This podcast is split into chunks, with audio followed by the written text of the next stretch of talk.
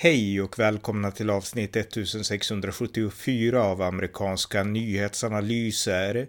En konservativ podcast med mig, Ronny Berggren, som kan stödjas på swishnummer 070-30 28 95 0.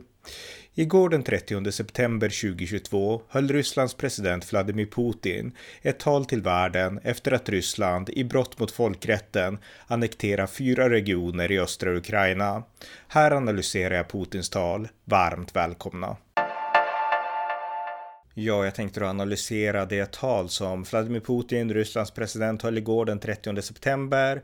Och eh, det här var ett tal som han höll i Moskva och han höll det då i anslutning och i samband med att eh, valresultaten i folkomröstningarna i de här östra regionerna i Ukraina avslutades och eh, de här eh, regionerna togs då upp av Ryssland in i en del av det ryska moderlandet, den ryska federationen och det var det som var avstampet för, för Putins tal då. Och Putin inledde såklart med att pålysa det här att nu har de här eh, regionerna röstat, Donetsk, Luhansk, Zaporizjzja och Kherson röstat för att tillhöra Ryssland och det kommer de nu att göra i evighet, betonade Putin. Och han ignorerade då såklart det faktum att de här personerna i princip röstade under vapenhot. Man knackade på dörren, en soldat var där med ett gevär och en annan sa att rösta på Ryssland ungefär. Och eh, det ignorerades och de som försökte göra motstånd, eh, chefen för ett kärnkraftverk där i östra Ukraina som nu ska tillhöra Ryssland då enligt Ryssland själva. Han vägrade, han blev bortförd tidigare idag tror jag.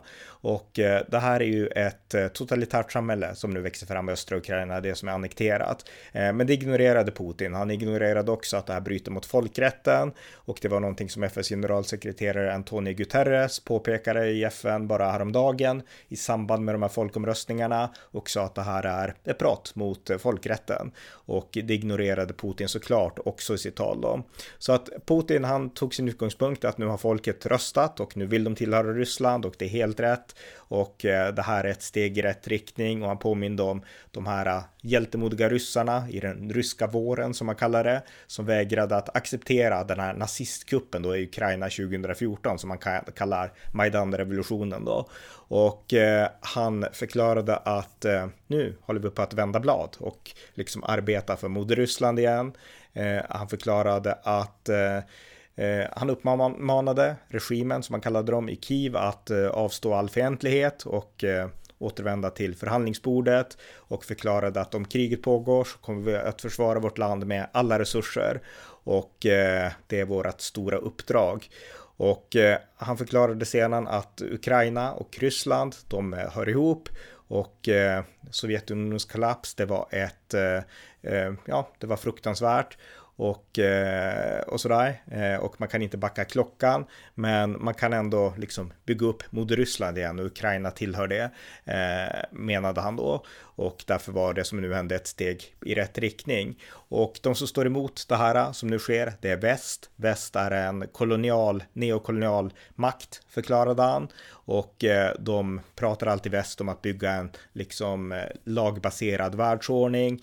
Men eh, vem är det som kom på de här lagarna? Vem är det som godkänner dem? Och eh, väst är hycklande och västs välstånd, det är byggt på imperialism och kolonialism, betonade Putin och eh, ja, rasism och sådana saker och eh, eh väst kryllar av ryssofober och eh, rasism och sådana saker som eh, väst sprider runt om i världen. Och eh, han betonade då att den här kolonialismen i väst, den började redan på medeltiden och så höll han en viss historielektion och förklarade att den här eh, russofobin i väst, den är hundratals år gammal, eh, betonade han då. Och eh, väst säger alltid eh, att de är för frihet och demokrati, men inget kunde vara mer längre från sanningen, förklarade Putin. Utan vad väst får med sig, det är förtryck och eh, utnyttjande. Och eh, de förslavar folk. Eh, och i samband med det så kom han också in på atomvapen. Och han sa då att eh, Två gånger så har kärnvapen använts i krig och det är i Hiroshima och Nagasaki av USA och Japan under andra världskriget. Och eh, han sa då att då satte väst ett president på engelska, ett eh, ett, ett föregång för, en föregångare för hur man kanske skulle kunna göra. Så att här fanns det ju ett indirekt hot då i hans tal om att själv kanske använda kärnvapen om man ansåg att det skulle behövas. Eh, han fortsatte att hamra på väst och sa att nu kräver väst fler sanktioner mot Ryssland och framförallt USA, Washington och Europa, de spelar villigt med. Det lät nästan lite som kinesisk retorik där allt fokus är på USA men där man betraktar, som, betraktar Europa som någon slags liten knähund till USA. Nu var det lite så som Putin pratar också. Och eh, Eh, han betonade att de anglosaxiska, vilket jag tycker var intressant, de har nu liksom blivit mer aktiva och han lade skulden på väst för då explosionerna i Nord Stream eh, gasledningarna under Nordsjön då. Och eh, nästan allt tyder på att det är Ryssland själva som har gjort det, men Putin lade skulden för det här på väst. Eh, han fortsatte att prata med att, om att, eh, eh, att väst tror sig vara Alltså de, de, de ljuger i sin media, de ljuger på alla sätt och de låter ungefär som Josef Goebbels, Tysklands propagandaminister. Jag tyckte det var intressant att man hade just en sån parallell. För det är ungefär på det här propagandistiska sättet som han själv och hans ministrar pratar. De låter mycket mer som Josef Goebbels än, alltså väst låter inte så, utan det här är ju liksom auktoritära system som pratar som Goebbels och eh, just nu är det Ryssland som gör det. Eh, propaganda helt och hållet åt ett håll. Och eh, han förklarade att eh, västvärldsordning, den är fruktansvärd och eh, titta på det moraliska förfallet, dekadensen i väst. Och han pratar om att eh, i Ryssland, alltså i väst så pratar man om förälder 1, förälder 2 och förälder 3. Och de har förlorat det helt och hållet förklarade han, istället för bara ha en mamma och pappa. Och eh, vill vi att våra skolor ska tvinga våra barn från deras tidiga ålder i perversioner och degradation och eh, eh, könsosäkerhet och att de ska gå igenom eh, liksom könsoperationer och liknande. Är det, vi, är det det vi vill ha för våra barn? Eh, inte alls, förklarade han. Och eh, han sa att väst har eh, tappat det helt därför att de har eh, kastat överbord traditionell tro och traditionell tradition och värderingar. Och nu har de en slags frihet som snarare liknar en spegelvänd religion. Och det är ren satanism, sa Putin bokstavligen. Och det var dags att avslöja den falska Messias och Ryssland skulle aldrig falla in i det här och han skulle eh, ja, visa minsann att eh, Ryssland står för den fria vägen framåt eh, för dem själva och för Ryssland och eh, de kommer aldrig att eh, dikteras av den västerländska despotismen, menade Putin då.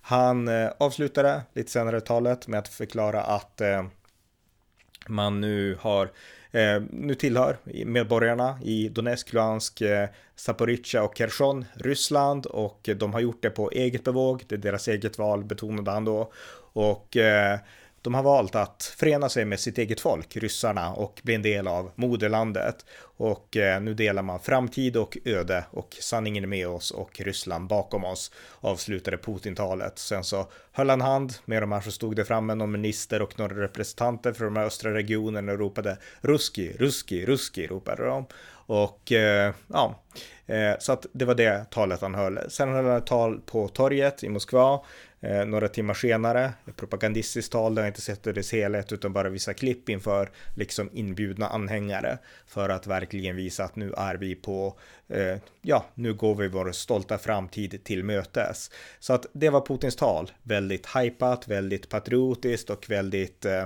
ja, stolt så att säga i den klassiska ryska andan.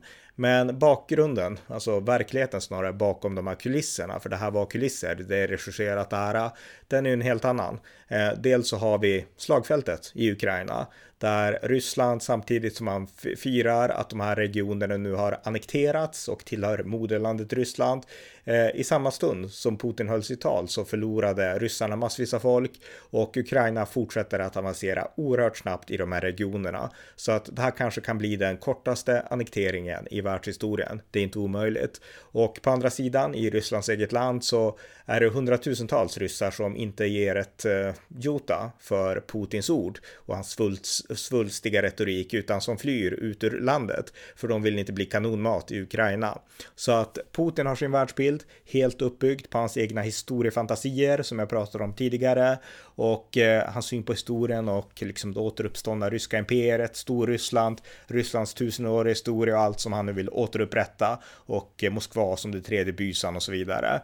Eh, där har vi Putin och Eh, hans patriark Kirill har ju till och med sagt att de som åker till Ukraina, liksom tar värvning och strider mot Ukraina för moder Ryssland. De kommer till himlen därför att de gör sin plikt och det kan liksom, ja, så drog han något här teologiskt argument. Lite grann som liksom, alltså i princip en kristen version av eh, jihad-tanken i islam, liksom att om man dör i strid kommer man till paradiset. Och eh, det, alltså inget kan bli längre från kristen teologi än ett sånt prat. Eh, alltså i kristen teologi så kan man inte sona sina synder genom att göra uppoffringar, utan den som har sonat synder för oss, är Jesus, Guds son, som dog för oss i vårt ställe så att vi inte ska behöva dö. Och definitivt inte behöva dö för någon slags maktgalen härskare i Moskva till exempel. Så att eh, Eh, ja, han, han betonade mycket av, av sådana saker, Putin, och ja, det där var ju hans patriark då, men han slog även an på de här Alexander Dugin-idéerna om liksom Ryssland och den här stora civilisationstanken och liknande.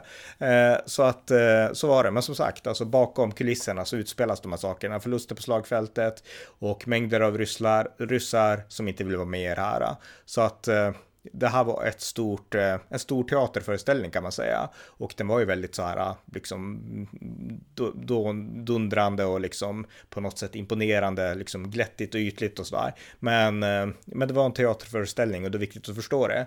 Och eh, hans budskap, det riktades väl dels till sitt eget folk, att försöka få dem på båten, men många har ju redan hoppat av, hundratusentals ryssar, så jag vet inte hur många i Ryssland som faktiskt tar det här på allvar, mer än de som kanske befinner sig i liksom film eh, fruktan, i det här liksom greppet av fruktan som Putin ändå har börjat implementera på det ryska samhället nu. Stalin hade ju ett skräckvälde och Putin börjar allt mer, mer bygga upp samma form av skräckvälde i, i Ryssland idag. Eh, och eh, det kan vi se på alla som flyr och, och liknande saker. Så att eh, frågan är, var de där bara för att de var rädda? Vissa var säkert det och sen har vi vissa såklart true believers. Då finns också, också de här hökarna, de som tror på den ärbara ryska historien. Det var inte Putin som uppfann de här idéerna så att det finns också en sån klick i Ryssland och i Moskva kanske framförallt intellektuella belästa. Eh, så att de var säkert där också.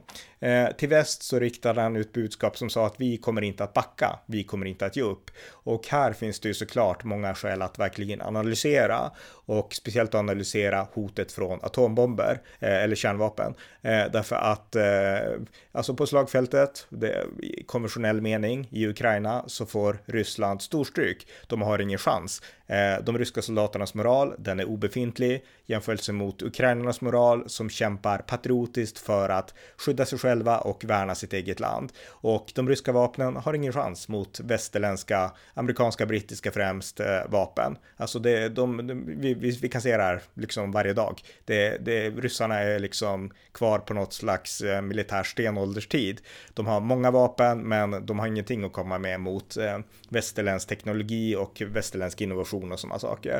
Eh, det är helt uppenbart på grund av förlusten i Ukraina, men vad Ryssland fortfarande har, det är ju kärnvapen, de har fler taktiska kärnvapen än väst har och de har massor av strategiska kärnvapen precis som USA också har då. Men där har ju Ryssland sitt trumfkort och i det avseendet så visst, eh, Putin pratar om att Hiroshima och Nagasaki, titta, vi kan också ungefär och det var liksom ett underförstått hot om kärnvapen här. Men det var ju liksom inte ett direkt pang på kärnvapenhot eh, och Eh, Eh, det finns ändå många anledningar för Putin att vara försiktig när han viftar med kärnvapen och det är att han har hittills underskattat väst. Alltså allt han har gjort i Ukraina har ju byggt på att han trodde inte att väst skulle ge den respons som väst nu har gett. Han trodde inte att Europa skulle stå så enat. Han trodde inte att eh, väst skulle stödja Ukraina så hårt. Han trodde att vi skulle skrämmas av energikriget som han har påbörjat mot oss eh, och, eh, och så. Och vi har inte blivit skrämda. Vår enhet har bestått och vi har beväpnat Ukraina trots allt. Så att Putin kan ju inte veta att vi inte kan använda våra kärnvapen när det krisar till också. Och eh, Putin tror inte jag är någon sån här islamistisk fanatiker. Hans patriark kan gärna prata om att man kommer till himlen om man dör i krig. Jag tror inte Putin vill testa det och, eh, och så. Så att eh, jag tror inte faktiskt att Putin vill ha ett kärnvapenkrig och det är många ryssar som inte vill ha det heller. Sen finns det en klick som säkert är fanatiska liksom och tror på Mother Russia och eh, vill ha det. Men, men eh, många vill det inte och då handlar det om det här spelet som jag pratade om förut. Vem blinkar först? Har vi i väst samma mod, samma viljestyrka och beslutsamhet att vinna? Oavsett vilket pris det egentligen kostar. Det är dit man måste komma. Därför att om vi backar, då kommer Ryssland att ta ett steg framåt. Och styrkeförhållandet är så här. Väst är starkare än Ryssland i alla avseenden. Ekonomiskt överlägsna Ryssland, konventionellt militärt överlägsna Ryssland.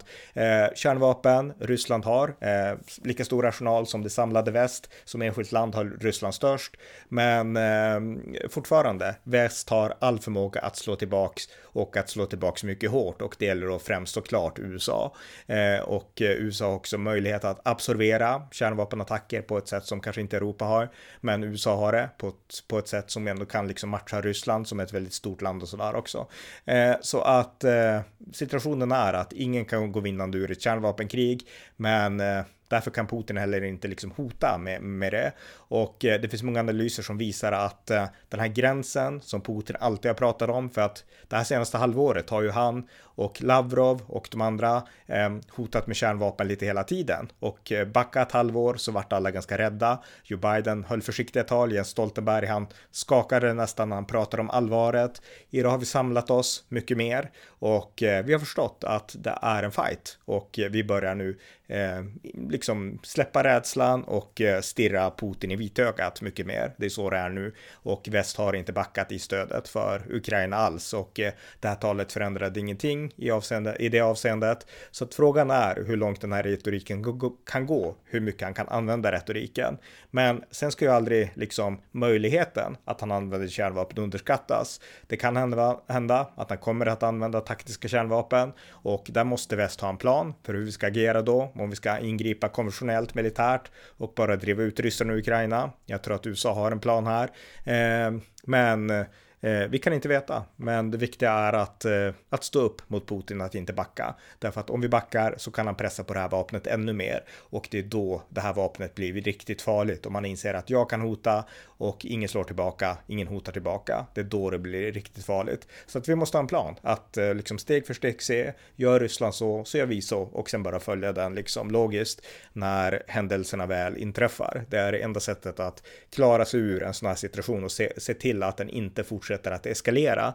För det vi har lärt oss nu om Putin, det är att om vi lägger ner våra vapen så kommer han inte att lägga ner sina, utan då kommer han se det som svaghet och som en möjlighet att ta steg två. Så att vi får inte falla i den fällan att göra så.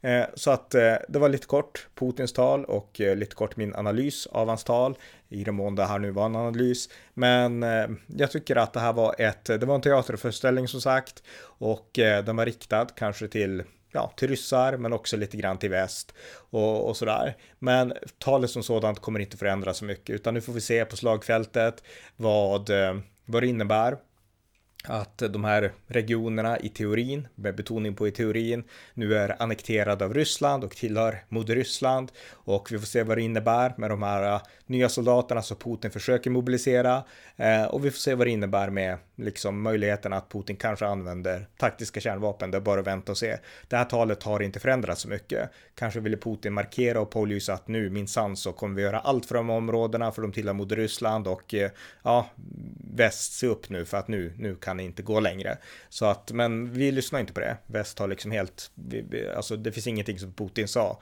som vi på något sätt tar på allvar i förhållande till hans anspråk på Ukraina. Så att eh, han har inte uppnått så mycket heller genom att rikta det här budskapet till oss. Så att det var ett svulstigt tal av Putin, eh, men det som kommer att betyda något, det är det som händer i Ukraina på marken. Och eh, ja, det, det är det vi får fokusera främst på skulle jag säga. Så att, eh, ja, jag vet inte om jag sa så mycket vettigt om det här talet, men ett svulstigt Putin-tal och eh, eh det viktiga är bara att förstå att Putin har fel. Alltså man kan bryta ner det här talet steg för steg för steg. Jag berörde några punkter, men det är väldigt enkelt att gå igenom det ännu djupare och liksom kryssa för punkt efter punkt. Att här har Putin fel, här är hans historiesyn fel. Och där handlar ju bara om att spinna fantasin om den här väldiga ärorika ryska historien som han ska återvinna ungefär. Så att eh, det här talet förtjänar att demonteras helt enkelt. Och eh, det är viktigt att, att det görs så att folk inte börjar tro på det här och tror att Putin har rätt och liknande. Så att eh, det var väl lite det också jag ville försöka uppnå med den här ganska korta analysen. Men nu har ni fått mitt take på det här. Det är av högsta vikt nu att väst fortsätter eh, värna enigheten och eh, bygga upp starka ledarskap i alla våra länder i Europa och även i USA och fokusera på den här fighten tills den är över, tills Putin har tvingats backa. Det är det vi måste göra. Så att eh, det var mitt take på hans tal. Ni har lyssnat till amerikanska nyhetsanalyser, en konservativ podcast som kan stödjas på swishnummer 070-30 28 95 0 eller via hemsidan usapool.blogspot.com på Paypal, Patreon eller bankkonto. Skänk också gärna slant till valfri Ukraina-hjälp. Väst måste vara uthålliga tills den ryska imperialismen är besegrad. Det var allt för den här gången. Tack för att ni har lyssnat. thank you